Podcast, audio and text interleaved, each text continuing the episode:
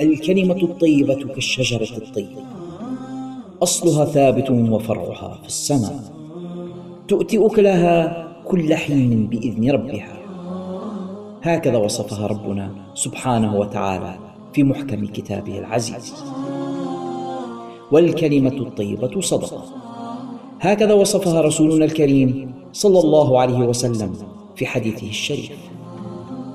فلنتفيأ ظلال تلك الشجرة. ولنجني من ثمارها اليانعة علما نافعا وأمرا بالمعروف ونهيا عن المنكر وإصلاحا بين الناس. في بودكاست الكلمة الطيبة مع فضيلة الشيخ عادل عبود يأتيكم من خارج الصندوق للإنتاج الإعلامي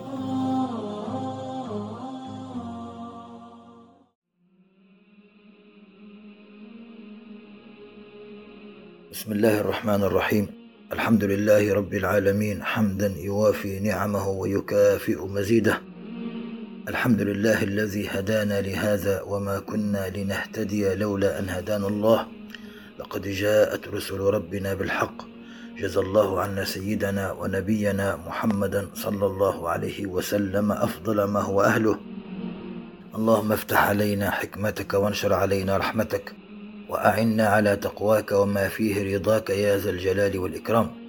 اللهم إنا نعوذ بك من قضاء السوء ونعوذ بك من يوم وليله وساعه ولحظه وخبر السوء.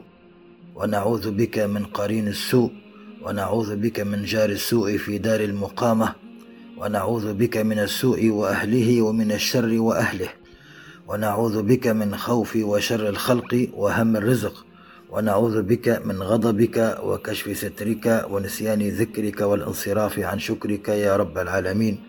وبعد إخوتي المستمعون السلام عليكم ورحمة الله تعالى وبركاته. هذه الحلقة الثانية والستون من برنامجكم الكلمة الطيبة نستهلها كالعادة بالفقرة الفقهية.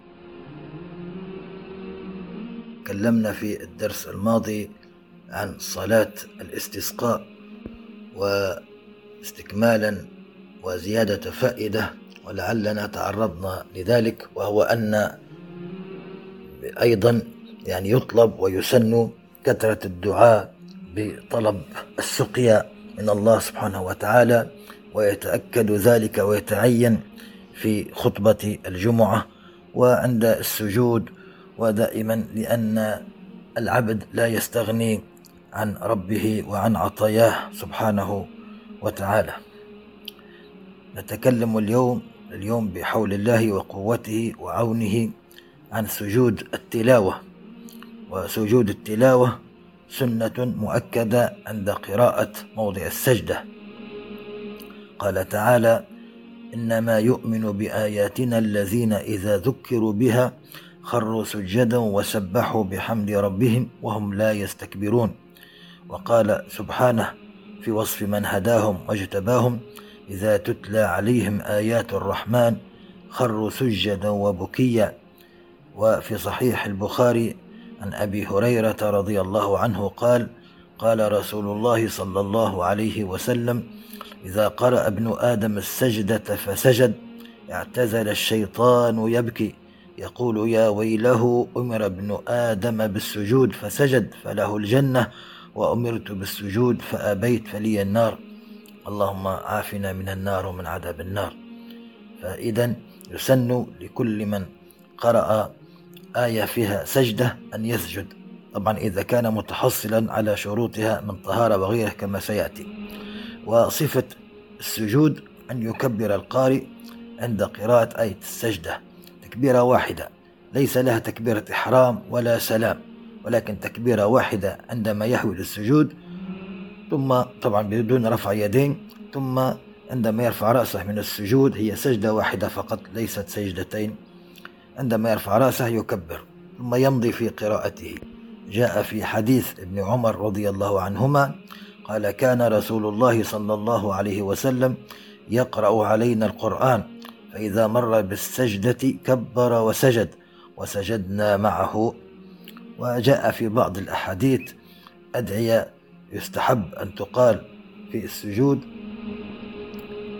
وهو منها سجد وجهي للذي خلقه وشق سمعه وبصره بحوله وقوته. طبعا هذا الدعاء استحب لأنه من المأتور ولكن يأتي بأي دعاء أو يستغفر. أو سبح فكل ذلك يكفيه لأن المطلوب هو السجود.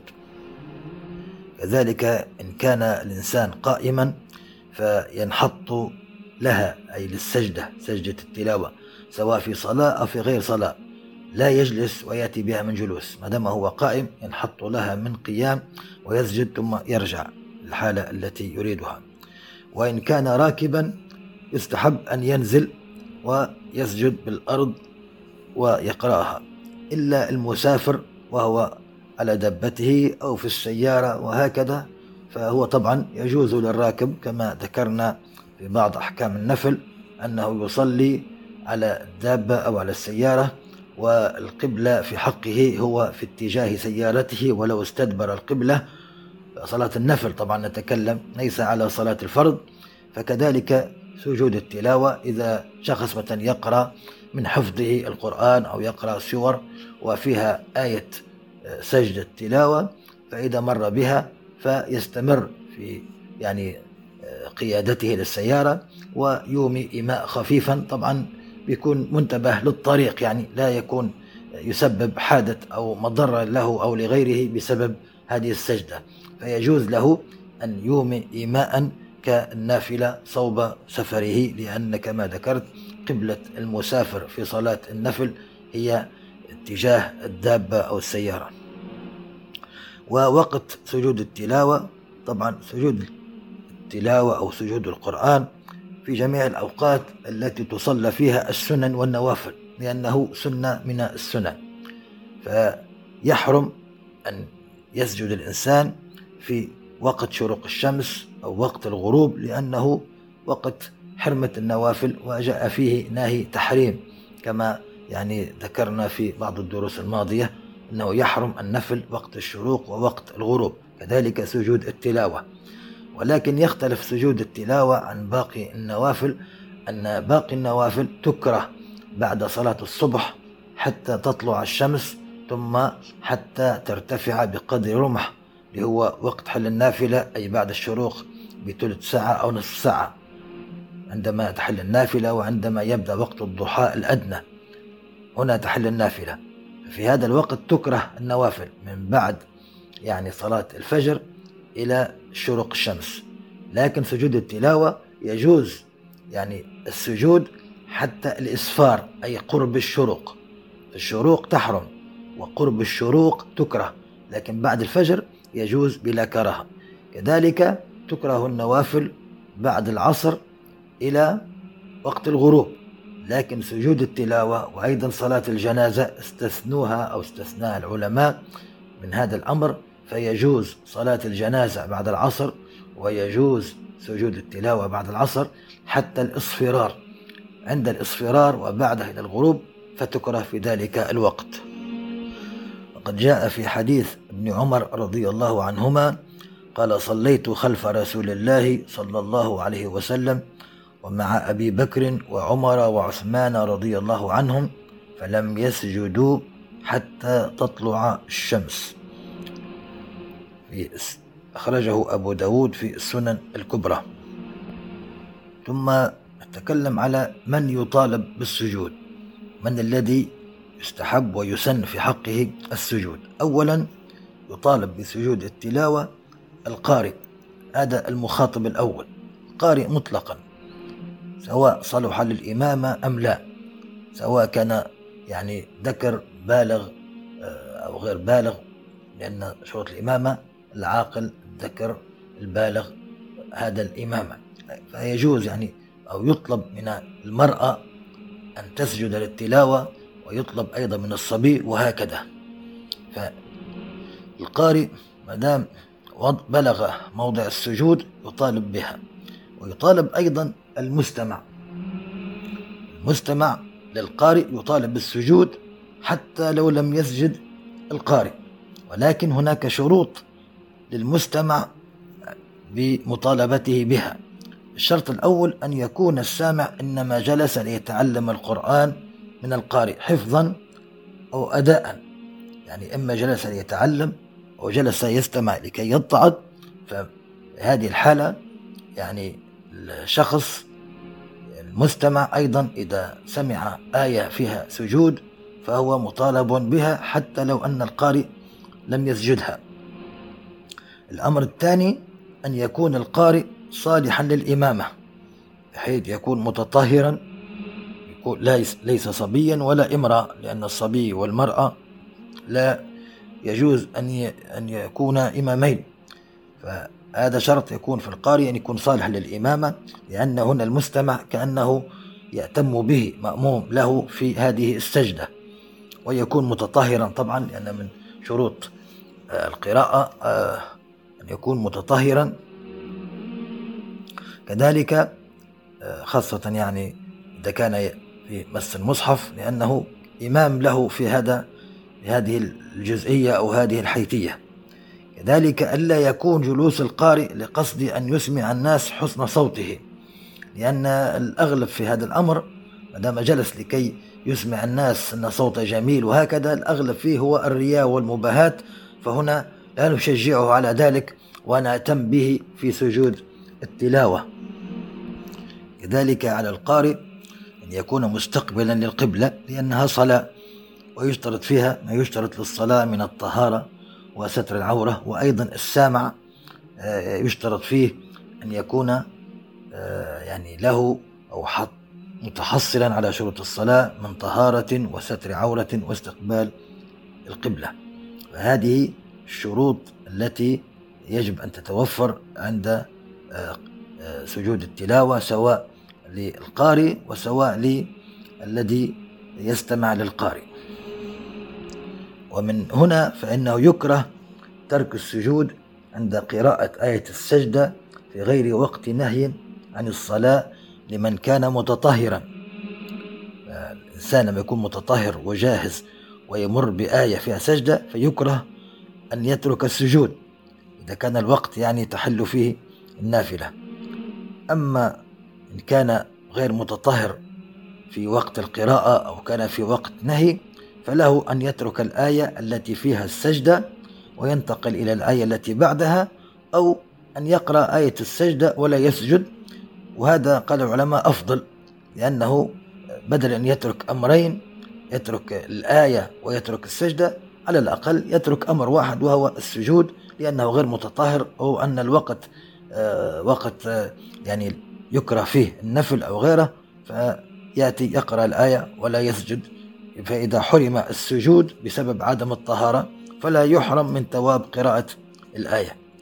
كذلك من أحكام سجود التلاوة أن من قرأ السجدة, السجدة في صلاة فرض سجد ولو كان الوقت وقت نهي. يعني ولو كان يصلي في وقت نهي لأنه هو الآن في صلاة. جاء في صحيح البخاري عن أبي رافع قال صليت مع أبي هريرة العتمة فقرأ إذا السماء انشقت فسجد. فقلت ما هذه؟ قال سجدت بها خلف أبي القاسم صلى الله عليه وسلم فلا أسجد فيها فلا أزال أسجد فيها حتى ألقاه. خرجه الإمام البخاري. وإذا كان الإمام في صلاة آه، سرية يعني يسر فيها بالقراءة مثل الظهر أو العصر فهنا يستحب له أن يرفع صوته عند آية السجدة. يقرأ الفاتحة سرا ويقرأ الآيات سرا ولكن عندما يصل إلى آية السجدة فيستحب هنا أن يرفع صوته لكي يسمع المأمومين لكي يعلموا أن هوية للسجود لموجب. لأن يعني لو لم يرفع صوته فبعض الناس الذين خلفه أو كلهم يعتقدون أنه سهى بدل أن يركع سجد. فلا يتبعونه ويسبحون وتحدث يعني دربكة وفي الصلاة. من هنا يستحب له أن يرفع صوته بآية السجدة لكي يعلموا أنه يريد السجود آه، هكذا لأجل هذه الآية فيتبعونه. ولو لم يتبعه بعضهم أو لم يتبعوه فلا شيء عليهم وصلاتهم صحيحة لأن الإمام يرفع عنهم هذا الأمر آه، وهكذا. أما إن قرأ الإمام آية السجدة ولم يسجد فلا يجوز للمأموم أن يسجد. من سمع من المأموم من المأمومين آية السجدة فسجد مع أن إمامه لم يسجد فصلاته باطلة لأنه تعمد زيادة سجدة عن صلاة الإمام. وبعض الناس يعتقد أن الركوع قد يقوم يعني مقام آه، السجدة وهذا آه، ليس بصحيح. فالسجود لأجل تلاوة سجدة التلاوة لا يقوم مقامه الركوع. كذلك قال العلماء لا يسجد للتلاوة من قرأ آية السجدة في خطبة الجمعة أو في صلاة جنازة لأن السجود يخل بنظام الخطبة ونظام صلاة الجنازة. جاء في الموطأ أن عمر بن الخطاب رضي الله تعالى عنه قرأ سجدة وهو على المنبر يوم الجمعة فنزل فسجد وسجد الناس معه ثم قرأها يوم الجمعة الأخرى فتهيأ الناس للسجود فقال على رسلكم إن الله لم يكتبها علينا إلا أن نشاء فلم يسجد ومنعهم أن يسجدوا. وأخذوا من هذا السنة سنة سيدنا عمر أن السجود آه، يعني هو ليس بفرض وإنما هو سنة مستحبة فيجوز للخطيب أن يفعلها أو ألا يفعلها والأولى ألا يفعلها حتى لا يعني يخل بنظام الخطبة وكذلك أيضا صلاة الجنازة. كذلك قال العلماء يكره تعمد قراءة آية السجدة وحدها لقصد السجود سواء في الصلاة أو في غيرها. إذا جاءت آية السجدة من ضمن الآيات أو السورة التي يقرأها فلا بأس. أما أن يتعمد قراءة آية السجدة قالوا يكره ذلك لعدم فعله صلى الله عليه وسلم. كذلك من المستحبات أن الإمام إذا قرأ آية السجدة من ضمن قراءته ثم هوى إلى السجود وأتى بسجدة واحدة ثم طبعا لما يرفع من السجود يرجع قائما لأنه سيأتي بالركوع. فهنا يجوز له أن يركع مباشرة ولكن الأفضل والمستحب أن يأتي ولو بآيات بحيث يكون ركوعه بعد قراءة. وهذا يعني مروي عن سيدنا عمر رضي الله عنه أنه قرأ في صلاة من الصلوات سورة والنجم إذا هوى ثم في آخر السورة طبعا هناك في سجدة فهوى للسجود ثم رفع من سجوده قائما ثم قرأ سورة الزلزلة. وهكذا ثم ركع وهذا يستحب أن يكون الركوع عقب قراءة.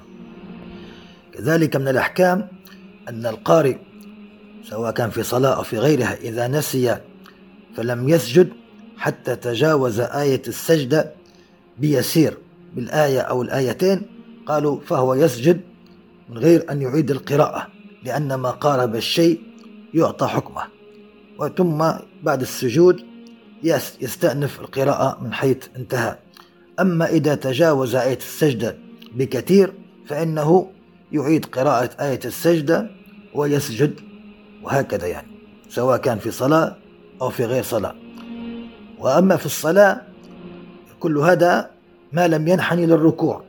فإذا انحنى للركوع قرأ آيات فيها آية, آية سجدة ثم استمر حتى انحنى وركع ثم تذكر مثلا فهنا لا يرجع لا يرجع إليه لأنها سنة والقاعدة أنه لا يرجع من فرض إلى سنة وإلا بطلت الصلاة.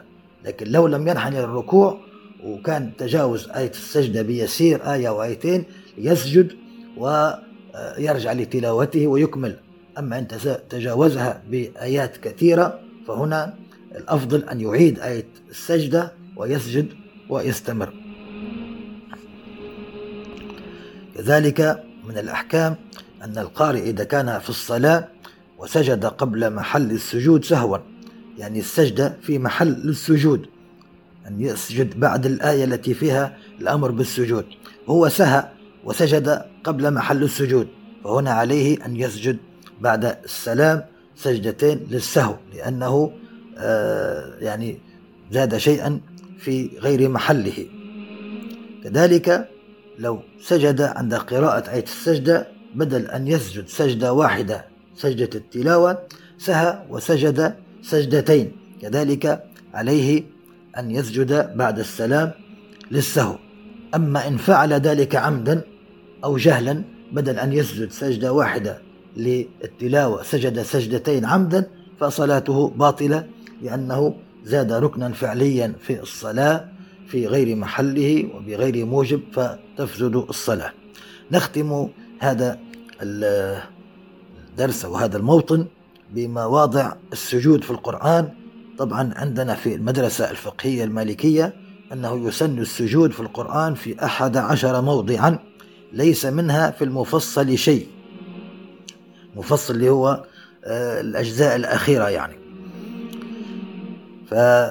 فالموضع الأول هو آخر سورة الأعراف الموضع الثاني من سورة الرعد عند قوله تعالى وظلالهم بالغدو والأصال والموضع الثالث من سورة النحل عند قوله ويفعلون ما يؤمرون الموضع الرابع من سورة الإسراء عند قوله تعالى ويزيدهم خشوعا الموضع الخامس من سورة مريم عند قوله تعالى خروا سجدا وبكيا الموضع السادس من سورة الحج عند قوله تعالى إن الله يفعل ما يشاء والسابع من سورة الفرقان عند قوله تعالى وزادهم نفورا الموضع الثامن من سورة النمل عند قوله تعالى الله لا إله إلا هو رب العرش العظيم الموضع التاسع من سورة السجدة عند قوله تعالى وهم لا يستكبرون.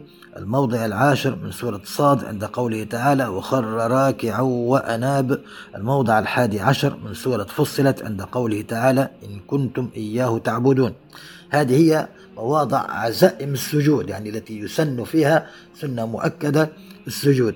أما في مواضع أخرى نص عليها بعض الفقهاء وفي المذاهب الأخرى ويجوز السجود فيها وهي في سورة الانشقاق قوله تعالى وإذا قرئ عليهم القرآن لا يسجدون. وفي سورة الحج آية سجدة سجدتان في تلك السورة عند قوله تعالى وافعلوا الخير لعلكم تفلحون. كما روي أن سيدنا عمر بن الخطاب قرأ سورة الحج فسجد فيها سجدتين.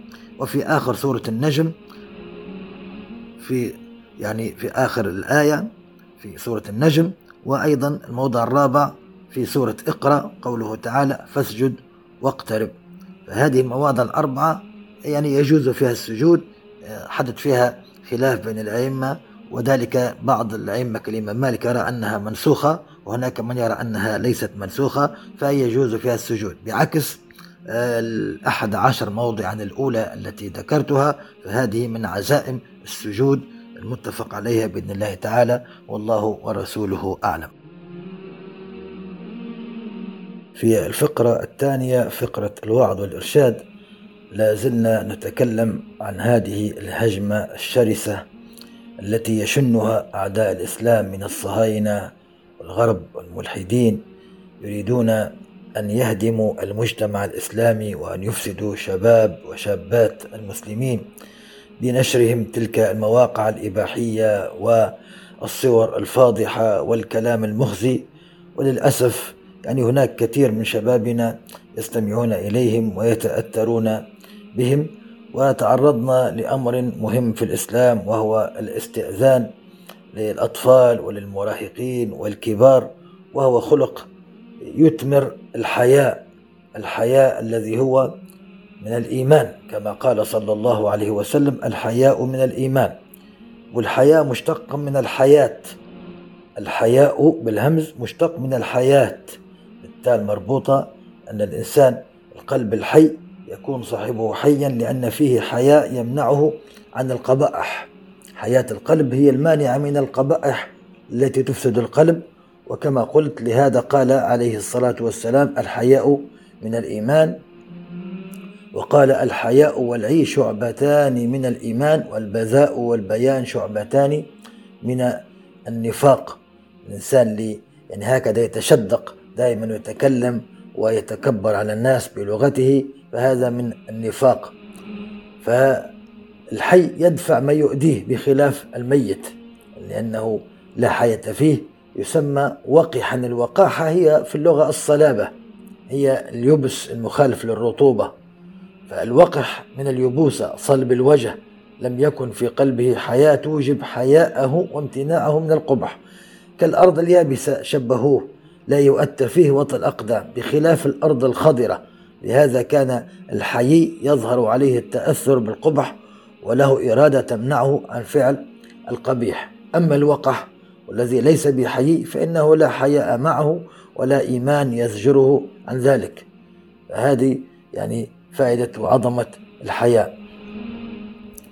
وبالنسبة للشرع كما آه، ذكرت يعتبر من الأخلاق الرفيعة التي أمر بها الإسلام وأقرها ورغب فيها. ولهذا قال عليه الصلاة والسلام إن لكل دين خلقا وخلق الإسلام الحياء.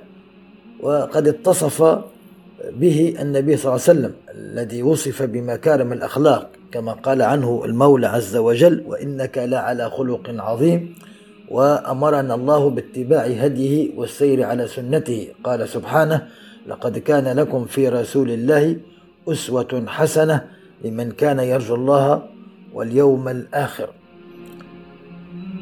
فلنا في الرسول صلى الله عليه وسلم الأسوة الحسنة والقدوة العظيمة. قال سيدنا أبو سعيد الخدري رضي الله عنه كان النبي صلى الله عليه وسلم أشد حياء من العذراء في خدرها فإذا رأى شيئا يكرهه عرفناه في وجهه. حديث متفق عليه. كذلك مما يشعر بعظمة الحياء في الشريعة الإسلامية ما قاله صلى الله عليه وسلم الحياء والإيمان قرنا جميعا فإذا رفع أحدهما رفع الآخر. وكذلك قال صلى الله عليه وسلم الحياء من الإيمان والإيمان في الجنة والبذاءة من الجفاء والجفاء في النار. البذاءة هي السفاهة والفحش في المنطق وإن كان الكلام صدقا ولكن بذاءة مقابلة للحياء وقريب من البذاءة الفحش. قال صلى الله عليه وسلم ما كان الفحش في شيء إلا شانه وما كان الحياء في شيء إلا زانه. فالحياء وإن كان هو في الغريزة وفي الطبيعة إلا أنه من خصال الإيمان ومما يمنع ما يمنع منه الإيمان. قال صلى الله عليه وسلم الإيمان بضع وسبعون شعبة والحياء شعبة من الإيمان. والسبب في كون الحياء من الإيمان أن كلا من الحياء والإيمان داع إلى الخير مقرب منه صارف عن الشر مبعد عنه. الإيمان يبعث المؤمن على فعل الطاعات وترك المعاصي والمنكرات والحياء يمنع صاحبه من التفريط في حق الرب والتقصير في شكره هذا ترك الطاعات. ويمنع صاحبه كذلك من فعل القبيح أو قوله اتقاء الذم والملامة. وطبعا الحياء له أنواع. وقد جعل الحياء بعض الإيمان لأن الإيمان ينقسم إلى اتمار بما أمر الله وانتهاء عما نهى الله عنه. يعني الإيمان ينقسم إلى أو الإسلام ينقسم إلى فعل الأوامر واجتناب النواهي. فالحياء يمنع من النواهي ومن المعاصي التي يستحي المؤمن أن يفعلها فهو بعض الإيمان. كذلك قال صلى الله عليه وسلم الحياء خير كله. وفي رواية الحياء كله خير. الإمام النووي قال أما كون الحياء خيرا كله ولا يأتي إلا بخير فقد يشكل على بعض الناس من حيث إن صاحب الحياء قد يستحي أن يواجه بالحق من يجله فيترك أمره بالمعروف ونهيه عن المنكر. يعني إنسان يرى شخص يحترمه يفعل شيء خطأ فلا ينصحه ولا ينكر المنكر أو مثلا لا يفعل ذلك الشخص أشياء معروفة كالصلاة أو غيرها فيستحي ولا ينصحه فهذا ليس من الحياء الشرعي بل هو من الحياء المذموم. وهذا حياء بحسب العرف يقولون استحى. ولكن الحياء حقيقة الحياء الشرعي المحمود هو خلق يبعث على ترك القبيح ويمنع من التقصير في حق ذي الحق. هذا الحياء الحقيقي المحمود. أما الثاني الإنسان ما ينصحش الناس لأنه يستحي. هذا عجز وخور ومهانة وليس حياء وإنما هو من إطلاق بعض أهل العرف. فالحياء الحقيقي هو خلق رفيع يمنع الإنسان عن الاتصاف بالأخلاق الوضيعة وعن السمعة المشينة وعن الأقوال الفاحشة وعن كل ما لا يرضاه الطبع السوي. من معاصي أو أتام أو سوء خلق هذا الحياء الحقيقي. ولم يخشى في ذلك لوم لائم. وأعلى درجات الحياة هي أن يستحي العبد من ربه أن يجده حيث نهاه. وهذا الحياء هو الذي بينه النبي صلى الله عليه وسلم عندما قال استحيوا من الله حق الحياء قال قلنا إنا نستحيي والحمد لله قال ليس ذاك ولكن الاستحياء من الله حق الحياء أن تحفظ الرأس وما وعى والبطن وما حوى وتتذكر الموت والبلى ومن أراد الآخرة ترك زينة الدنيا فمن فعل ذلك فقد استحيا من الله حق الحياء بين هذا الحديث علامات الحياة من الله وأنها تكون بحفظ الجوارح عن المعاصي وتذكر الموت وتقصير الأمل في الدنيا وعدم الانشغال عن الآخرة بالملذات والشهوات والانسياق وراء الدنيا. وهكذا كان عباد الله الصالحون. في هذه الأمة ينتصر ينصرفون من الصلاة على استحياء من الله تعالى. يصلون ويذكرون ويأتون بالطاعات وهم يشعرون بالحياء من الله لأنهم موقنون بتقصيرهم. ولهذا جاء في السنة أن المؤمن بمجرد أن يقول السلام عليكم من الصلاة يأتي بالاستغفار. لماذا الاستغفار؟ وقد كنا في طاعة وكنا في صلاة لأننا مقصرون. هناك يعني غفلة في الصلاة عدم حضور قلب وهكذا. وهذا الحياء الذي ذكره النبي صلى الله عليه وسلم في هذا الحديث هو يعني يكون عن معرفة ومراقبة كما جاء في الحديث الطويل حديث السنة أو حديث سيدنا جبريل عليه السلام لما سأله عن الإحسان قال الإحسان أن تعبد الله كأنك تراه فإن لم تكن تراه فإنه يراك. فهذا الحياة من أعلى خصال الإيمان بل هو من أعلى درجات الإحسان. ولهذا مر بنا في الحلقة الماضية أن النبي صلى الله عليه وسلم مر على رجل يعظ أخاه في الحياء يعاتبه فيه لأنه أضر به. فقال له النبي صلى الله عليه وسلم دعه فإن الحياء من الإيمان. الحديث أخرجه البخاري في صحيح. يعني أمر النبي صلى الله عليه وسلم ذلك الرجل أن يترك أخاه. ويبقيه على حيائه ولو ترتب عليه أن منع صاحبه من استيفاء حقوقه. يعني ضياع حقوق المرأة خير له من أن يفقد حياءه الذي هو من إيمانه. فالرجل كان يعظ أخاه أن يترك الخجل لأنه كان يتصور أن الخجل يفقد الإنسان كثيرا من الحقوق. ورسول الله نهاه عن هذا التصور بل جعل الحياء جزء من الإيمان. لأن الذي يستحي من الناس وأحيانا يتنازل عن حقوقه بالضرورة يكون مبتعدا عما يذم من قبيح الخصال وسيء الأعمال. فلا يكون سبابا ولا نماما ولا مغتابا ولا فاحشا ولا متفحشا ولا يجاهر بمعصية ولا يتظاهر بقبيح. حياؤه من الله يمنعه من فساد الباطن وحياؤه من الناس يمنعه من ارتكاب القبيح. فمن هنا هذا الحياء وما فيه من هذه الفوائد وهذه الأمور العظيمة التي هي معظم الإيمان فأفضل من تركه لأجل بعض الحقوق الدنيوية. ويستطيع الإنسان أن يطالب بحقوقه بحياء وبأدب إلى غير ذلك.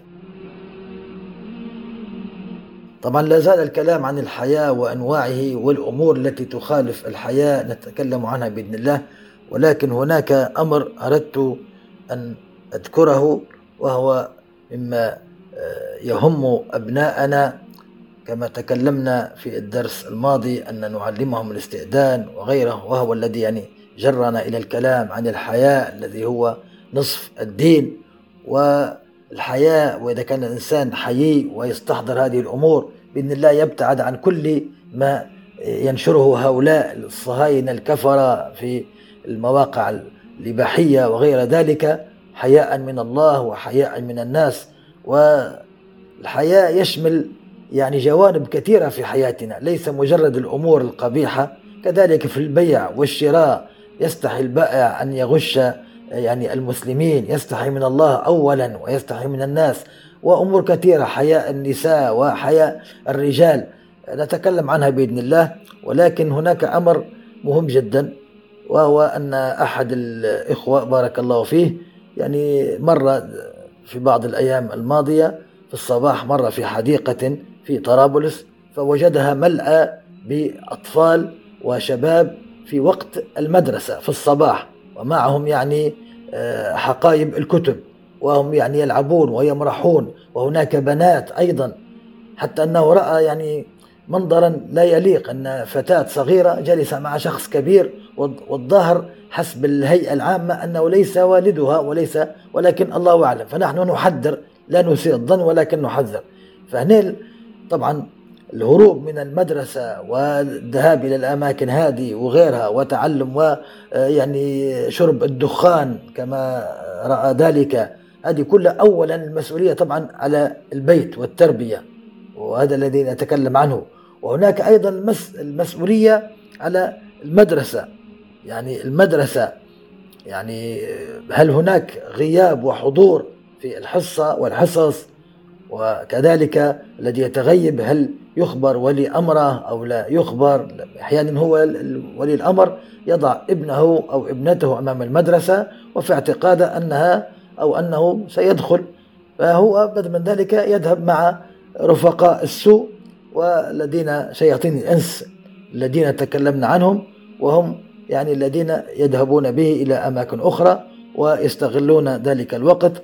طبعا هذا أيضا آه، من الأشياء يعني إهمال أحيانا المعلم إهمال آه، طريقة التدريس إنما فيهاش يعني فيها آه، ملل في الدراسة ما فيش حتى أسلوب بطريقة أن المعلم يكسب الطلبة.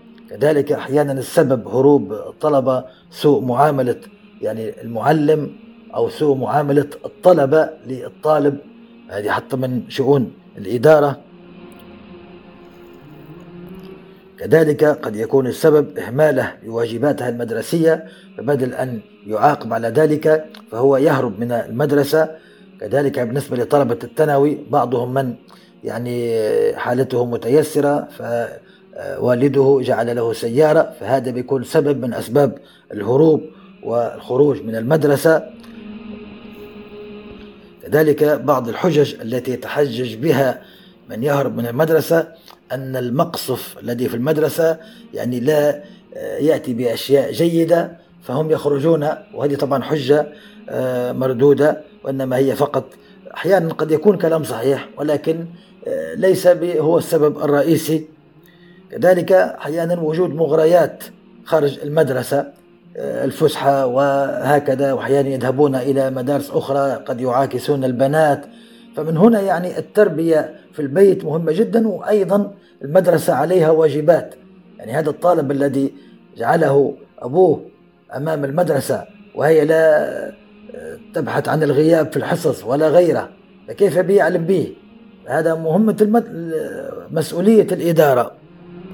وللأسف أيضا أن حراس الحديقة لما هذا الشخص يعني حدثهم بهذا الأمر ويعني طلب منهم أن يذهبوا إلى المدرسة القريبة من تلك الحديقة فيحدثوا المدير بذلك الأمر. فهم يعني قالوا ليس ليس هذا مسؤوليتنا.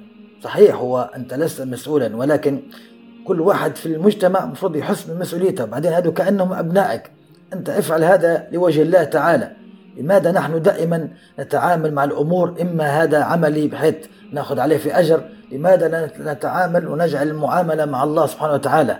يعني هؤلاء أبناء وقصر بعضهم في الابتدائي بعضهم في الإعدادي لا يعرفون مصلحتهم. أنت اذهب يعني افعل الذي تستطيع خذ بالأسباب. ولئن اصطلح الأمر على يديك فلك الأجر العظيم وإلا فلك الأجر حتى لم لو لم يحدث شيء حتى لو لم تستمع لك المدرسة. أما هذه اللامبالاة وهذه يعني البلادة. هناك للأسف أيضا شرطي جالس في سيارته والأطفال أمامه يدخنون ويجرون ويضحكون وعلى ظهورهم الحقائق ولا كان على همه. طبعا لو سألته يقول أنا مسؤوليتي الحفاظ على الأمن أو وهذا حتى ليس من مسؤوليتك. شن بكلفك لو أنت مجرد يعني أن كلمتهم وسيخافون منك بحكم أنك أنت يعني شرطي وتحافظ على الأمن يخافون منك. لما تأمرهم بالرجوع إلى المدرسة أو تذهب أنت إلى المدرسة وتخاطب المدير. فهذه اللامبالاة التي نحن نعيشها للأسف كل واحد همه في نفسه فقط. هذو الأطفال كأنهم أطفالك كأنهم أبنائك أبناء المسلمين. هكذا يضيعون من بين أيدينا. فهذه من الأمور التي يعني تؤلم والإنسان يعني يتأسف. فعلى كل واحد منا أن يعني يكون على قدر المسؤولية. وقال صلى الله عليه وسلم كلكم راع وكلكم مسؤول عن رعيته. طبعا الوالد الأب والأم هم عليهم المسؤولية الأولى والتربية. حتى لا يكون جيل يعني فاسد منحرف. كذلك المدرسة عليها مسؤولية وكل واحد فينا يفعل ما يستطيع خاصة إذا كان في استطاعته ذلك الشيء وعلى الأقل يفعل ما يقدر عليه.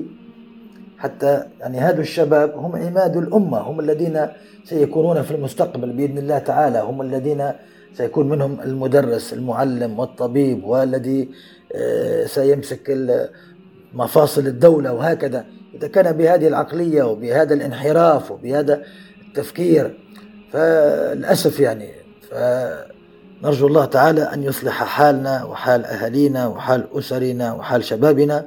وفي الختام للحديث بقية بإذن الله تعالى ندعو كما هي العادة لإخواننا في فلسطين بأن يفرج الله عنهم هذا الكرب وأن يرفع عنهم هذا البلاء وأن يدمر اليهود ومن عاونهم الصهاينة والكفار الذين تآلبوا على المسلمين وهكذا بكل وقاحة وبكل يضربون ويقتلون الأطفال والشيب والنساء في المستشفيات وغيره ولا يأبهون لأحد ولم يعني يعطوا اعتبارا لأي أحد. للأسف يعني نحن المسلمين أصبحت ليست لنا أي هيبة في العالم. ولهذا لماذا؟ لأننا ابتعدنا عن ديننا. هذا هو الحق يعني. قال تعالى إن تنصروا الله ينصركم. لو أننا رجعنا إلى ديننا لو أننا التزمنا بأخلاق ديننا السمح دين الإسلام العظيم دين الوسطية دين السهولة والتيسير الحياة لو أننا استحيينا من أنفسنا استحيينا من ربنا وهكذا وعلمنا أبناءنا خلق الحياة وعلمنا نساءنا وابتعدنا عن هذه الأمور لم يستطع أي يهودي أن يرفع رأسه أو غيره ولكن نحن ابتعدنا. ومع هذا نطلب المولى أن ينصر إخواننا المسلمين وأن ينصر الإسلام والمسلمين وأن يرد كيدهم في نحورهم وأن يستأصل شأفتهم وأن يجعل تدبيرهم في تدميرهم. هؤلاء القتلة الفجرة.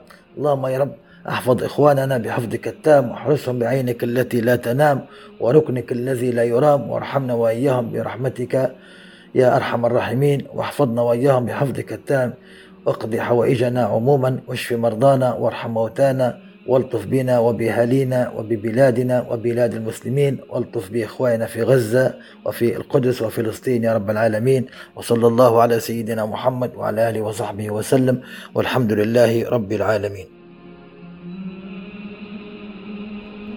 إذا كانت هذه الحلقة قد نالت رضاكم واستحسانكم فلا تبخلوا علينا رجاء بترك علامة الخمس نجمات في التطبيق الذي تستمعون إليها من خلاله.